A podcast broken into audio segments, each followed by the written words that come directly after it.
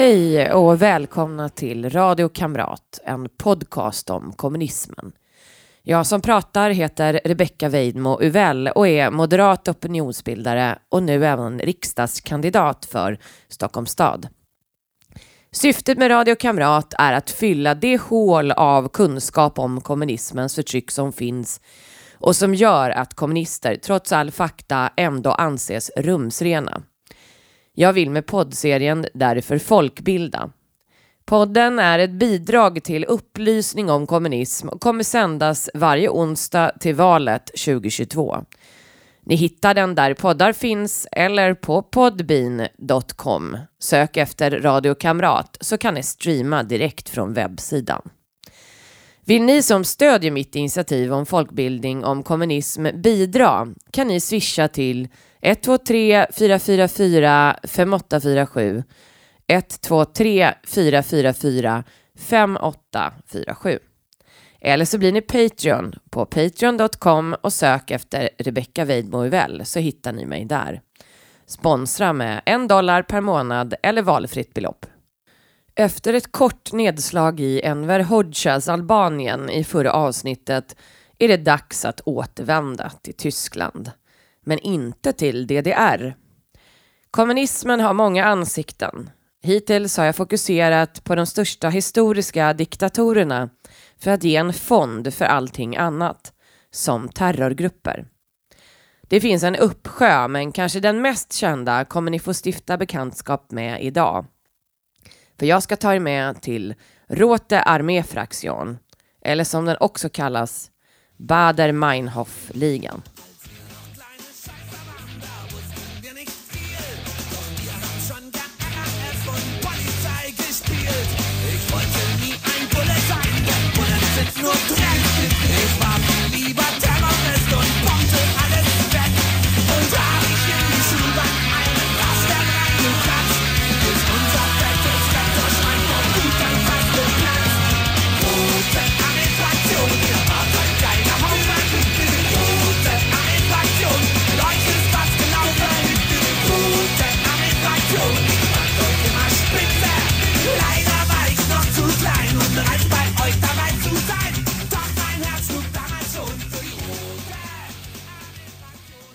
I slutet av 1960-talet hade den radikala vänsterrörelsen Freie Universität ett av sina centrum i Västberlin, men fanns på flera ställen i Västtyskland.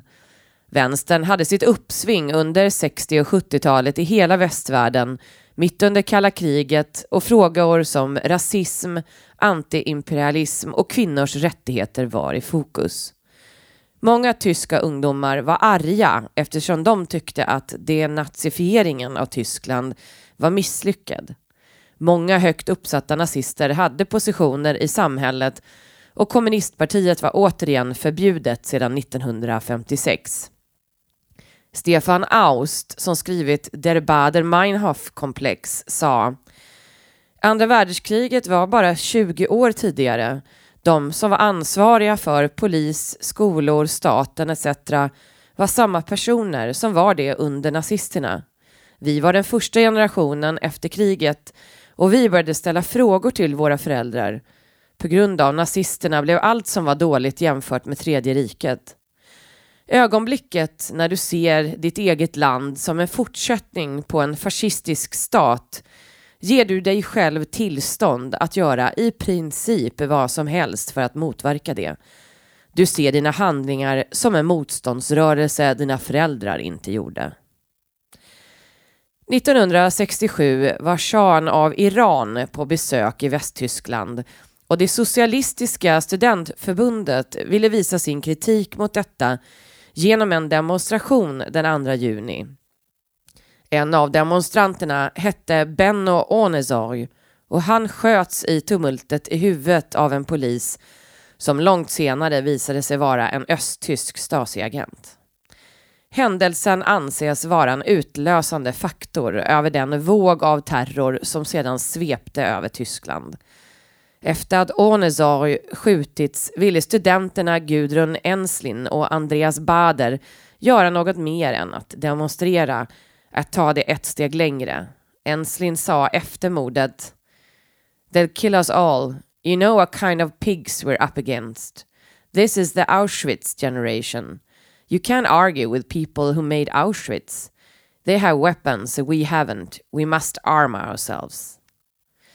Båda ingick i den grupp som 1968 utförde flera brandattentat mot varuhus i Frankfurt för att protestera mot Vietnamkriget när USA skickade trupper för att hindra att kommunisten Ho Chi Minh tog över hela landet.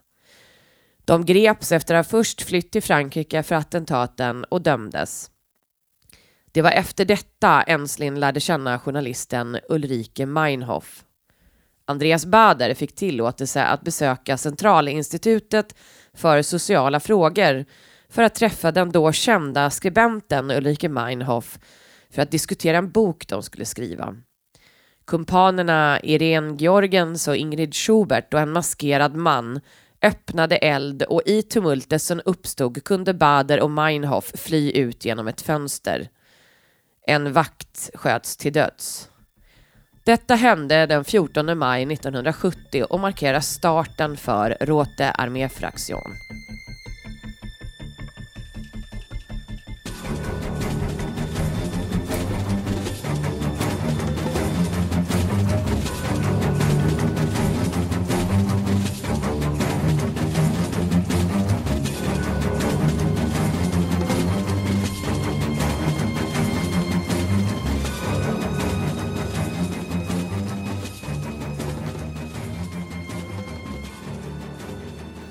Efter fritagningen skrev Gudrun Enslin en artikel i den radikala tidskriften Agit 883 där hon krävde att man skulle börja beväpna sig och bygga en röd armé. Artikeln slutade med Utveckla klasskampen, organisera proletariatet, börja det väpnade motståndet. Även Horst Mahler hade gått med då han var östtysk agent för Stasi för att lära sig hantera vapen för den väpnade kommunistiska kampgruppen tänkte inleda reste de till PLO och PLLP för att vara med på militärt träningsläger med dem. Framför allt värdefull var träningen av skjutvapen och sprängmedel ansåg medlemmarna av gruppen då deras kamp skulle ta plats i stadsmiljö och inte på landsbygden. Gruppen inspirerades också av Che Guevaras gerillatekniker. Den innersta kärnan av RAF var då Ulrike Meinhof, Andreas Bader, Gudrun Enslin, Horst Mahler, Horst Sönlein, Holger Mainz och Carl Jan Raspe. Namnet Fraktion åsyftar gruppens anspråk på att vara en del av en större global kommunistisk kamporganisation. Rote armé, eller Röda armén, var Lenins och Stalins armé. Som Ulrike Meinhof sa dagen efter mordförsöket på den radikala studentledaren Rudi Dutschke. Kastar man en sten är det en straffbar handling. Om tusen stenar kastas, då är det en politisk aktion. Sätter man eld på en bil är det en straffbar handling. Om hundra bilar brinner, då är det en politisk aktion. Parallellt med att befrielserörelserna i tredje världen bekämpade imperialismen utifrån och på landsbygden skulle statsgerillan bekämpa imperialismen och kapitalismen på insidan. Gruppen kallade sig aldrig Baader-Meinhof-ligan utan det var ett medialt fenomen. De kallades hela tiden Rotarmé-fraktion. Drivkraften för RAF var dock inte främst marxist-leninistisk man arbetade inte framför allt utefter manifest, utan det handlade istället mycket mer om ett oartikulerat våldsutbrott mot allt som representerade dåtidens, dagens samhälle. Ett samhälle de upplevde som exkluderande och orättvist. Man ville förstöra det. Detta är skälet varför man också kallar RAF anarkister. Vad man ville ha istället var dock mindre intressant. Man klarade sig också så länge genom att gruppen tidigt fick stöd från redan etablerade strukturer som visade hur man agerar utanför kontrollapparatens räckvidd. De kommunicerade tidigt med Stasi som förmedlade kontakten med de palestinska terrorister som tränade dem i taktik och metoder i Jordanien 1970 innan de satte igång sin terror. I utbildningen ingick också saker som att förfalska identiteter, falskregistrera fordon, tillverka sprängladdningar, hur man gör brandbomber, råna banker och vapenhantering. um mit den Gruppenmitgliedern dort so eine gewisse militärische Grundausübung, äh, Grundausbildung zu bekommen. Aber für die Stadt natürlich nicht geeignet. Ne? Also man durchs Gelände robben und irgendwie unter Stacheldrahtzäunen und was weiß ich, sowas kann man eigentlich in der Stadt nicht machen. Und äh, also eins, das was gut war, war, oder was zu brauchen war, war die äh, Ausbildung an Waffen. Und, äh, Ulrike Meinhof föddes den 7 oktober 1934 och engagerade sig som student i fredsrörelsen när hon studerade på 50-talet. Hon utbildade sig till journalist och började skriva för vänstertidningen Konkret som i hemlighet finansierades av DDR. Där hade hon bland annat en egen kolumn. Meinhof blev i hemlighet medlem i SED, det statsbärande kommunistiska partiet i DDR, vilket hon var till sin död. Under 1960-talet blev hon allt mer känd som skribent och debattör i Västtyskland. 1961 gifte hon sig och fick tvillingarna Regina och Bettina. De har i senare intervjuer berättat att familjen levde i lyx, betald av DDR. Beloppen var så stora att paret kunde köpa en lyxvilla i Hamburg. 1968 skilde hon sig och flyttade till Västberlin. Efter mordförsöket på Rudi Dutschke skrev hon i konkret. Protest är att jag säger att detta inte passar mig. Motstånd är att jag ser till att det som inte passar mig inte längre sker. Hon blev sedan bekant med Gudrun Enslin och hjälpte henne att frita Andreas Bader. Hon radikaliserades snabbt. Hon var 34 år då. När hon 1970 deltog i träningslägret i Jordanien avtalade hon med palestinierna att lämna bort sina tvillingdöttrar för att fostras på en skola för föräldralösa palestinier och aldrig träffa dem mer.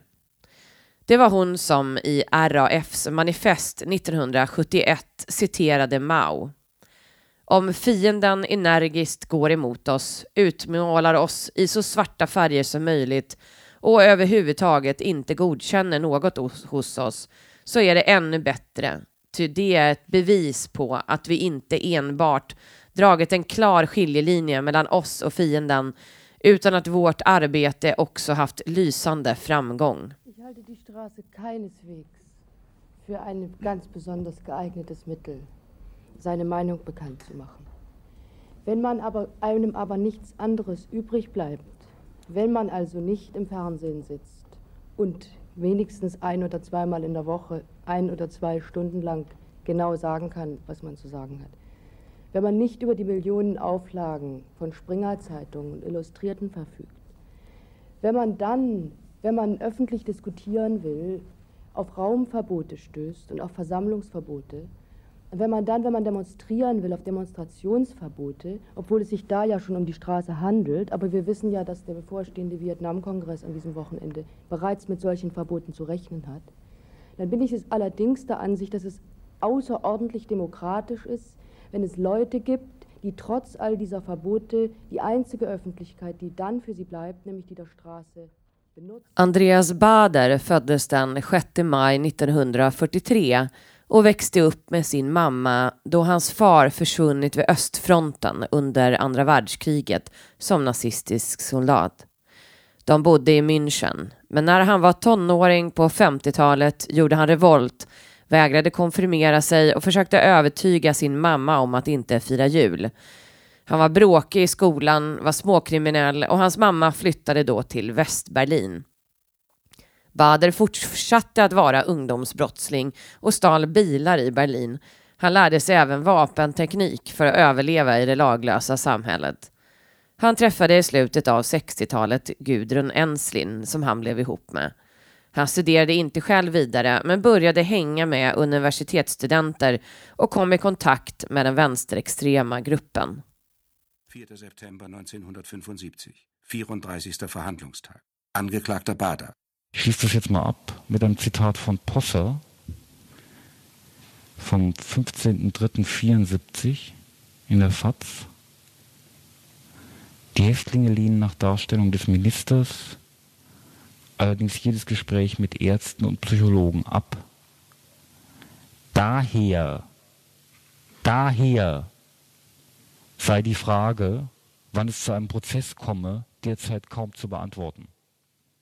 Das heißt, Gudrun Enslin föddes den 15 augusti 1940 och växte upp i ett mycket kristet hem med en pappa som var präst. Och diskussioner om moral, rättigheter, skyldigheter företogs ofta i hemmet. Hon studerade språkvetenskap 1964 i Västberlin där hon träffade Bernhard Vesper som hon gifte sig med och fick en son med. Hon blev tillsammans med Andreas Bader 1967 och lämnade då både man och barn, precis som Meinhof gjorde. Det var Gudrun som tog med honom in i German Socialist Student Union, SDS. Enslin var jämte Meinhof RAFs ideologer.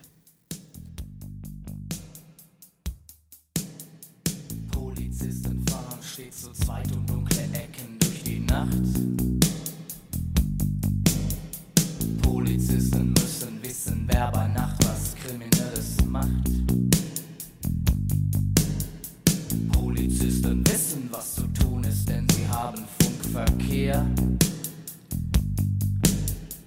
Polizisten schießen, wenn sie wissen, dass sie müssen und aus Maschinen gegen Wehr.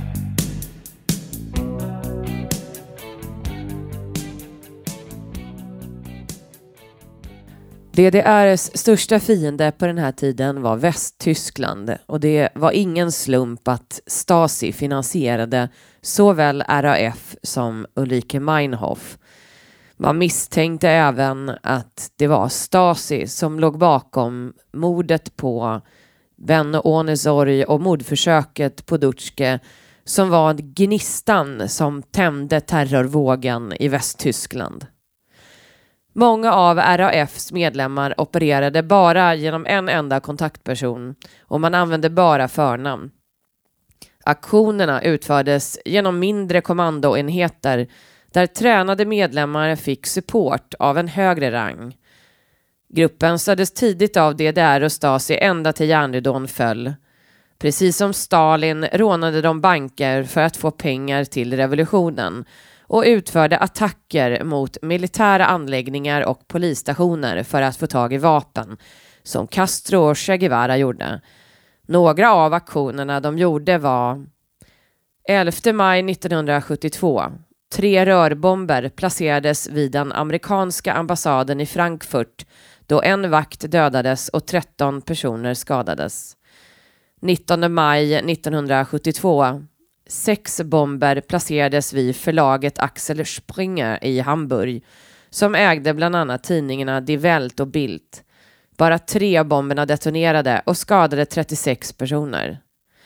24 maj 1972. En bilbomb sprängdes i Heidelberg utanför Intelligence Data Handling Service och två amerikanska dataspecialister dödades och fem personer skadades. 10 november 1974. Högsta domstolens ordförande Günther von Drenkman mördades. Meinhof och andra ur gruppen försökte också kidnappa Meinhofs egna barn för att skicka dem till palestinierna. Men barnen fritogs på Sicilien och skickades hem igen. Efter att RAF-medlemmen Horst Mines dog av en hungerstrejk i fängelset knoppades det av en utbrytargrupp som kallade sig Andra juni-rörelsen. Den gruppen kidnappade i mars 1975 den kristdemokratiska kandidaten till borgmästare i Västberlin, Peter Lorenz. De krävde att medlemmar ur RAF och Andra juni-rörelsen skulle släppas från fängelset och staten gick med på det för att rädda Lorenz liv. Ein Rentner kommt zur Polizei und sagt, mir fällt da auf, dass junge Leute an einer Garage mit Handschuhen und das im März, April, also im, beziehungsweise im Mai. Also irgendwas kann da nicht stimmen. Wir hatten ja dieses Objekt äh, schon einige Tage vorher unter Kontrolle genommen. Kam an dem Morgen Andreas Bader, Mainz, mit einem Konstanzer Porsche angefahren. Und dann versuchten wir eben, die Terroristen zur Aufgabe zu überreden. Äh, dann kam Holger Mainz mit erhobenen Händen, ausgezogen bis auf die Badehose. Andreas Bader wollte absolut nicht aufgeben, aus welchen Gründen jetzt auch immer. Dann haben wir einen Panzerwagen, einen Sonderwagen uns kommen lassen, der in Mülheim äh, in der Nähe von Frankfurt stationiert war. Und jetzt haben wir versucht, mit diesem Sonderwagen das Garagentor aufzustoßen, was ja auch gelang. Und die Reaktion von Bader, die war ja sehr, sehr cool. Er hat fünf Schüsse aus der 9 mm Pistole bzw. Revolver abgegeben.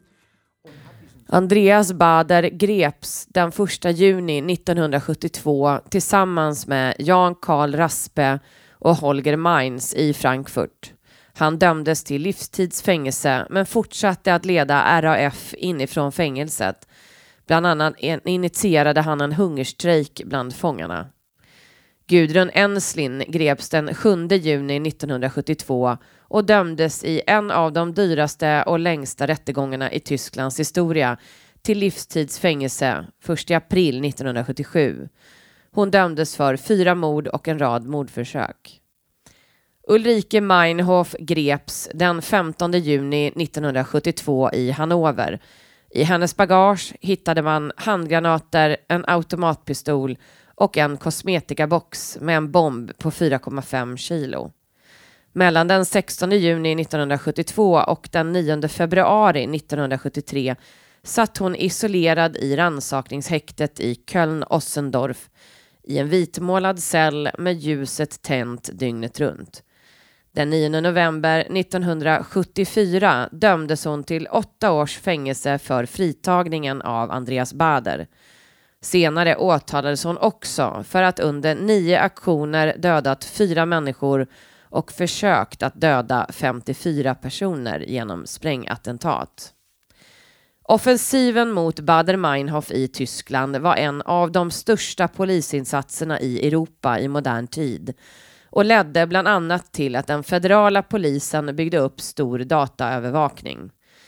Man införde dessutom nya lagar 1972 som begränsade västtyska kommunisters möjlighet att arbeta i offentlig tjänst eftersom de inte accepterade demokratiprincipen i konstitutionen. Willy Brandt, förbundskanslern som införde detta, hade nära kontakt med Olof Palme och ideologiskt låg den svenska IB-affären inom samma sfär som anställningsförbudet. En ny del av Stammheim-fängelset byggdes särskilt för RAF och ansågs vara ett av de säkraste i världen på sin tid. Fångarna fördes dit 1975, tre år efter de arresterats. Man hade bland annat prickskyttar på taket och 400 poliser. Fångarna satt själva och fick inte träffa varandra förrän sent 1975. Då fick de träffas en halvtimme två gånger per dag med massa vakter närvarande.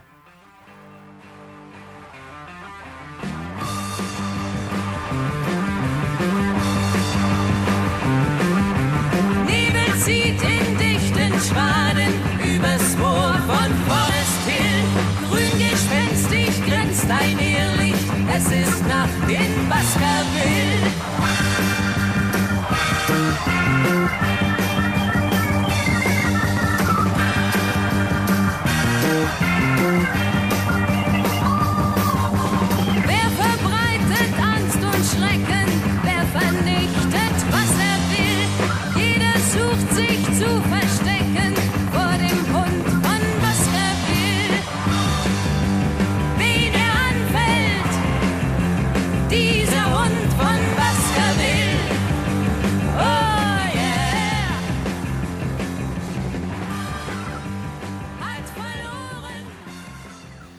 Ockupationen av västtyska ambassaden i Stockholm. Sex medlemmar ur RAF gick den 24 april 1975 in i ambassaden i Stockholm och låtsades behöva hjälp med pass. De kallade sig Kommando Holger Mainz. Utanför fanns minst en terrorist, Stefan Wisewski, som låg i ett buskage och var i ständig kontakt med dem innanför via radio. Enligt en artikel av journalisten Mikael Berling Inne i lokalen drog de snabbt på sig masker, tog fram vapen och motade in tolv ambassadsanställda, inklusive ambassadören, i ett rum på tredje våningen. När svenska polisen försökte ta sig in besköts de med automateld. Terroristerna meddelade sen att de skulle skjuta militärattaché överstelöjtnant Andreas von Mirbach om inte polisen omedelbart utrymde ambassaden. Sedan krävde de att 26 fängslade terrorister i Tyskland skulle friges, inklusive ledningen. En Boeing 707 inklusive besättning skulle ställas till deras förfogande på Stuttgarts flygplats dit de skulle transporteras. Om inget av detta skedde innan klockan 21 skulle man börja skjuta en person ur gisslan varje timme. För att visa att man menade allvar sköt man klockan 14 löjtnant von Mirbach med fem skott.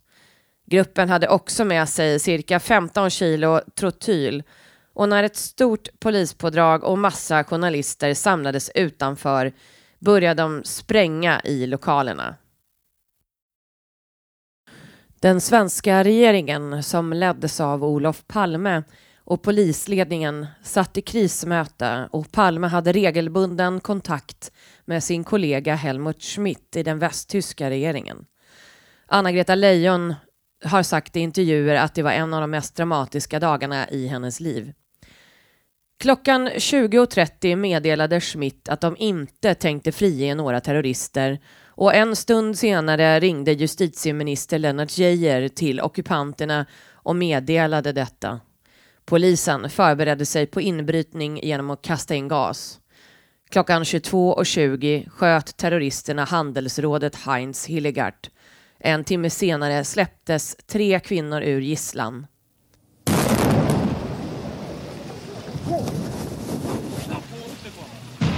Lägg ut! Lägg ut! Lägg ut! Lägg ut!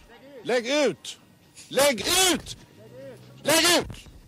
Ja, här är nu ambassadbyggnaden alldeles nyss hördes en våldsam detonation och det brinner fortfarande uppe runt i den amerikanska ambassaden vi ser där uppe och det brinner fortfarande och eh, vi såg splitter fly flyga överallt omkring här och det var en kraftig detonation, va? Hela huset är sprängt. Halva åtminstone säger en polis som just kommer springande och som vi vet när det händer såna här plötsliga saker i informationerna väldigt den stora explosionen som ni hörde i Bo Holmström-klippet vet man än idag inte riktigt vad som hände. Kanske råkade de sätta av en bomb av misstag. Enligt terroristerna utlöste polisen laddningen. Ungefär samtidigt råkade en av terroristerna, Ulrich Wessel, att tappa en handgranat som slet honom i stycken. Övriga tog sig omtöcknade med bränn och splitterskador ut genom ett fönster och greps på en parkeringsplats. Siegfried Hausner var svårt skadad och skickades till Västtyskland där han sedan avled. Flera ur gisslan överlevde, några hade allvarliga fysiska skador.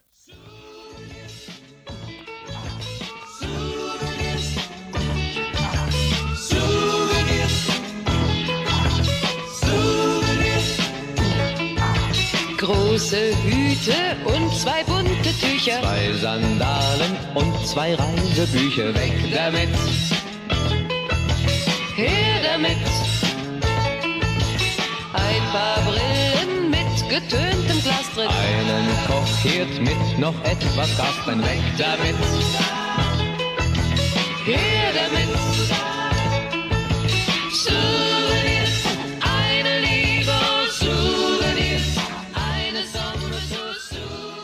Flygplanskapningen. Samma person som låg i buskarna utanför västtyska ambassaden i Stockholm var en av centralpersonerna när Hans Martin Schleyer kidnappades den, i september 1977 på en öppen gata i Köln. Han var den västtyska näringslivsorganisationens ordförande motsvarande Svenskt Näringsliv och påstods av RAF ha nazistbakgrund, vilket dock har motbevisats av historiker senare. Gruppen var den andra generationen RAF då den innersta första kretsen satt i fängelse. Gruppen kallade sig Kommando Siegfried Hausner. Detta skedde inom RAFs offensive 77 då RAF ville attackera det västtyska samhället. Hans chaufför och tre livvakter sköts ihjäl vid kidnappningen och han hölls i flera veckor på olika hemliga adresser. Trots intensiv polisjakt lyckades man inte lokalisera honom och gruppen. Kravet man framförde för att släppa Schleyer var samma som vid ockupationen av västtyska ambassaden. Att regeringen skulle släppa Bader, Enslin och Jan Karl Raspe som satt i Stammheim-fängelset i Stuttgart. Men den socialdemokratiska förbundskanslern Helmut Schmidt sa blankt nej. Han ville dessutom inte uppmuntra andra terrorister på yttersta vänsterkanten att göra samma sak och starta igång fler kidnappningar. Då fick RAF sina kompisar i den palestinska terrorgruppen PFLP att kapa en Boeing 737 ägt av Lufthansa på väg hem från Mallorca den 13 oktober. Planet hade 100 personer ombord och ställde exakt samma krav. Frisläppandet av Bader, Enslin och Raspe. Man kunde inte offra 100 personer, så förhandlingar inleddes med kaparna, åtminstone låtsasförhandlingar. Men alla länder de önskade få fri lejd till vägrade. Inte ens Sovjet och DDR accepterade. Då krävde kaparna att få landa på olika platser i arabvärlden. I dåvarande Sydjemens huvudstad Aden sköt kaparna ihjäl flygkaptenen Jürgen Schumann inför alla passagerare. Därefter tvingade man styrmannen att flyga till Mogadishu i Somalia där det tyska elitförbandet GSG 9 väntade på dem. De lyckades effektivt skjuta alla fyra kaparna, två män och två kvinnor. Bara en av kvinnorna överlevde. Inga passagerare dödades. Kort efter att Bader, Raspe och Enslin fick beskedet om att kapningen misslyckats begick alla tre självmord i fängelset. Inte långt efter detta upptäcktes Hans Martin Schleiers döda kropp i en övergiven bil i gränsstaden Mühlhausen. I flera filmupptagningar hade han vädjat direkt till regeringen om att slippa bli offrad utan att få gehör.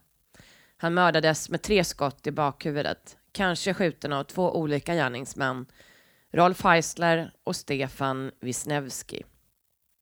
Detta blev slutet på en nästan tio år lång period av terror som plågade Västtyskland. Själva perioden september till oktober 1977 kallas eh, Deutscher Herbst, den tyska hösten. Den 9 maj 1976 hittades Ulrike Meinhof död i sin cell, hängd i en tunn handduk från cellfönstret. När hon begravdes anslöt 7000 personer till begravningen.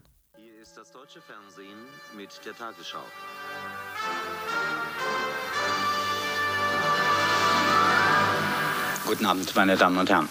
Die Anarchistin Ulrike Meinhoff, eine der Angeklagten im Bader-Meinhof-Prozess, hat sich das Leben genommen. Sie wurde heute früh in ihrer Zelle in Stuttgart-Stammheim tot aufgefunden. Nach Angaben der Behörden erhängte sich die 41-Jährige mit einem Streifen von ihrem Handtuch am Fenstergitter. Noch im Laufe des Tages wurde die Leiche zur Obduktion gebracht.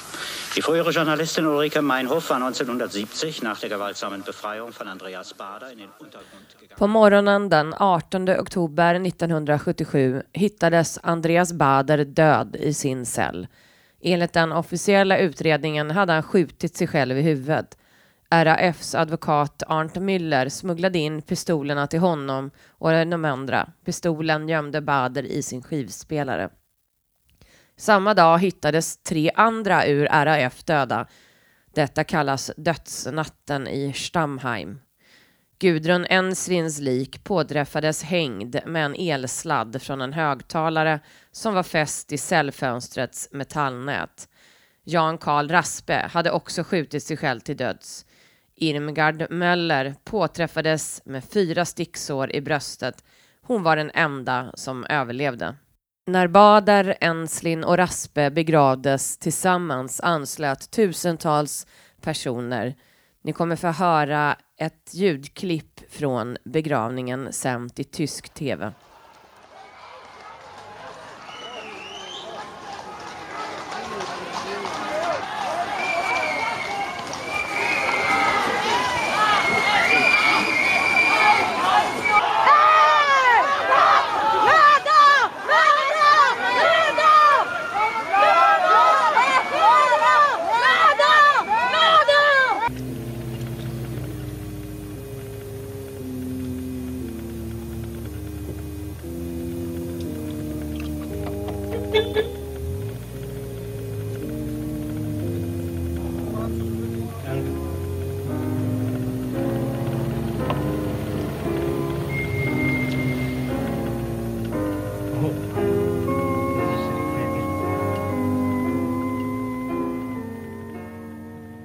Irmgard Möller dömdes 1979 till livstidsfängelse men frigavs 1994. Hon har hela tiden hävdat att hon utsattes för ett mordförsök och att hon inte försökte ta livet av sig. Konstnären Odd Nedrum gjorde 1978 en målning han döpte till Mordet på Andreas Bader. Närstående till samtliga har uttryckt tvivel på om det var självmord Bader ska till exempel ha varit vänsterhänt men krutresterna hittades på höger hand. Meinhofs nacke ska ha visat tecken på att redan innan hängningen varit bruten och de yttre genitalierna uppvisade kraftiga svullnader enligt obduktionsprotokollet vilket kan tyda på att en våldtäkt inträffat. Även hennes självmord, som inte skedde just den natten, har ifrågasatts. En officiell undersökningskommission konstaterade att Meinhofs självmord inte var klarlagt och att det fanns oklarheter, att det tydde på att hon redan var död när hon hängdes. Det sista attentatet i Bader Meinhofs namn utfördes 1993.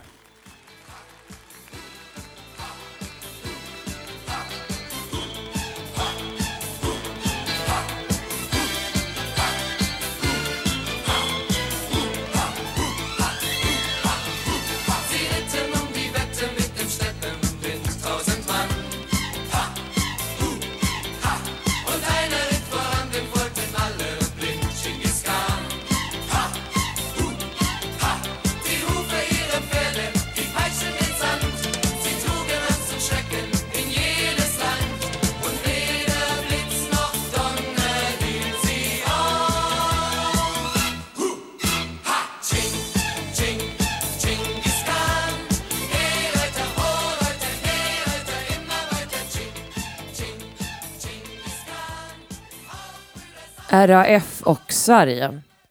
Mycket tyder på att ockupationen av västtyska ambassaden 1977 kunde ske med hjälp av svenska sympatisörer.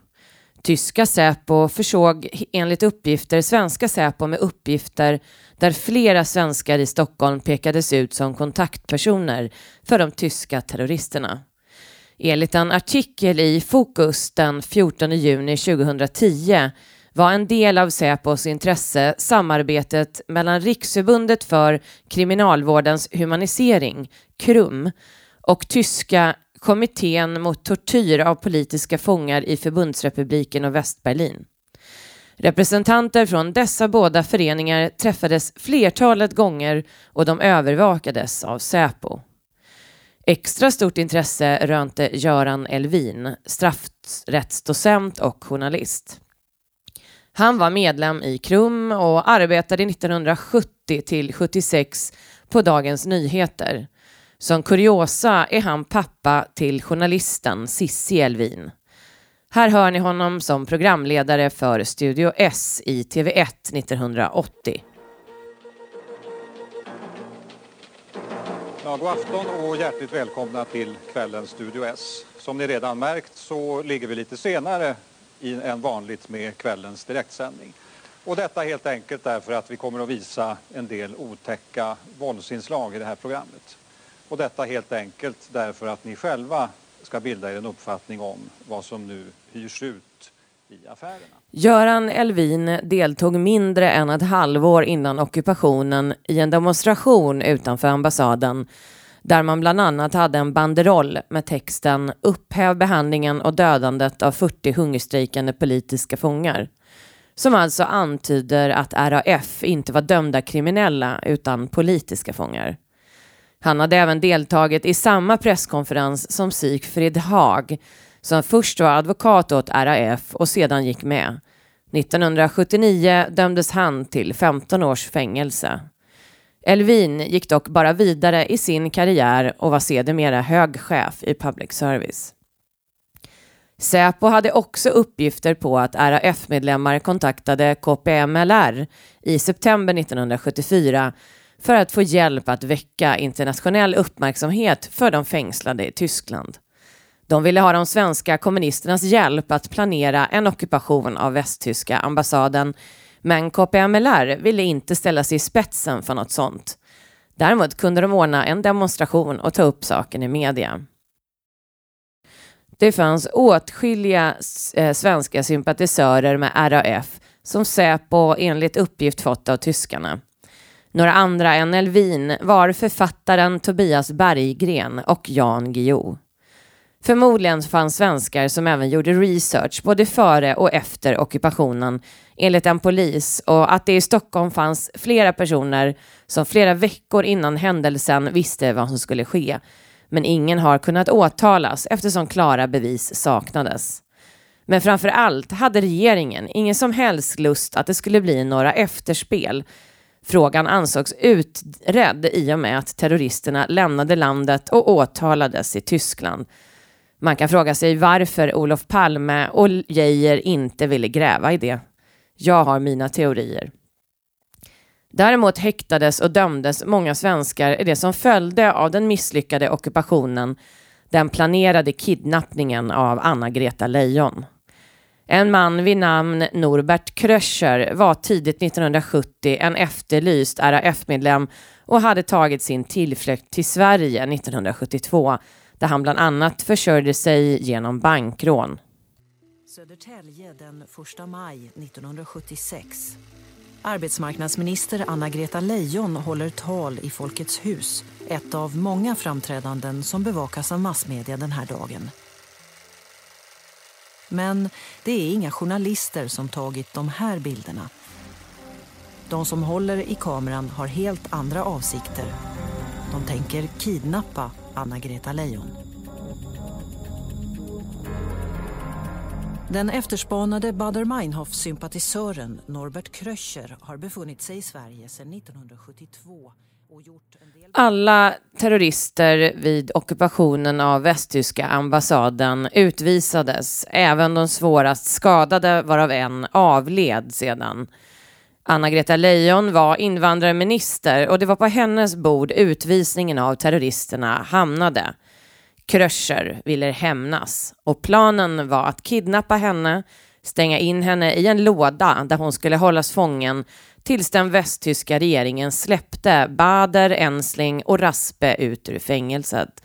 Lådan skulle placeras i en ljudisolerad källare på Katarina Bangata i Folkets fängelse.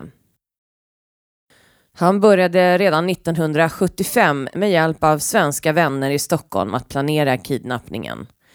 Flera runt Sveriges flyktingråd och Turteatern, teatern utan reaktionärer, länkades till honom och Lejons liv kartlades genom att man filmade framträdanden, kartlade hennes vardagsliv och arbetsförhållanden. Kodnamnet var Operation Leo och i planerna var många svenskar involverade. Men eftersom så många varit det under lång tid så läckte planerna till slut till polisen. Den svenska polisen kallade sin operation att gripa Kröcher och stoppa kidnappningen för Ebba Röd. När han gripits den 31 mars 1977 ropade de i polisradion Ebba Grön som senare ledde till bandnamnet Ebba Grön ett stort antal svenskar greps.